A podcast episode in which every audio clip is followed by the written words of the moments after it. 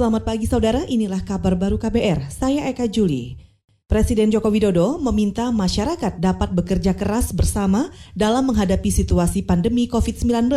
Dalam pidato peringatan Hari Lahir Pancasila kemarin, Presiden juga meminta agar masyarakat tetap optimistis. Tantangan yang kita hadapi tidaklah mudah. Tahun ini atau bahkan tahun depan, situasi yang sulit masih akan kita hadapi. Situasi yang memerlukan daya juang kita sebagai bangsa, yang memerlukan kerja keras, agar kita mampu melewati masa sulit itu.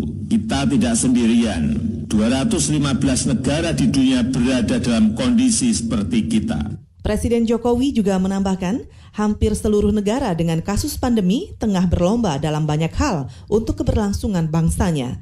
Semua negara berlomba mempercepat pemulihan perekonomiannya, juga berlomba untuk membuat vaksin COVID-19.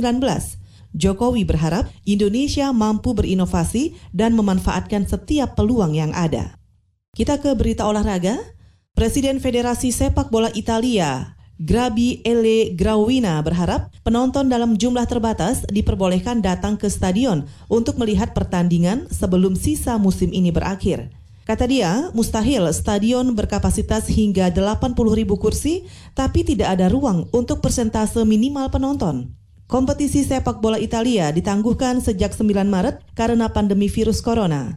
Pandemi menewaskan lebih dari 33 ribu jiwa di negara tersebut. Rencananya, Liga akan kembali digelar pada pertengahan bulan ini dan dijadwalkan berakhir awal Agustus. Coppa Italia akan menjadi kompetisi pembuka sepak bola di negara tersebut dengan memainkan dua pertandingan semifinal dan final mulai 17 Juni mendatang. Selanjutnya, kompetisi akan disusul Serie A pada 20 Juni. Kita ke mancanegara. Memasuki hari ke-6 demo dan kerusuhan di Amerika Serikat, sebanyak lebih 40 kota memperlakukan jam malam Polisi setempat menangkap sekitar 2.000 orang. Eva Mazrieva melaporkan untuk Anda langsung dari Washington DC. Aksi demonstrasi yang sebagian berujung menjadi kerusuhan dan penjarahan masih terjadi di sejumlah kota di Amerika pada malam ke-6, termasuk di ibu kota Washington DC.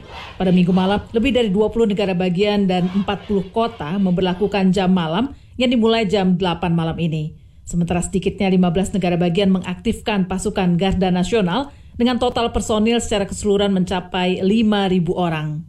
Garda Nasional adalah unit cadangan militer yang ada di 50 negara bagian di Amerika dan dapat diaktifkan atas permintaan gubernur untuk menghadapi situasi darurat karena bencana atau kerusuhan sipil. Polisi mengatakan telah menangkap lebih dari 2.000 orang dalam kerusuhan di 22 kota.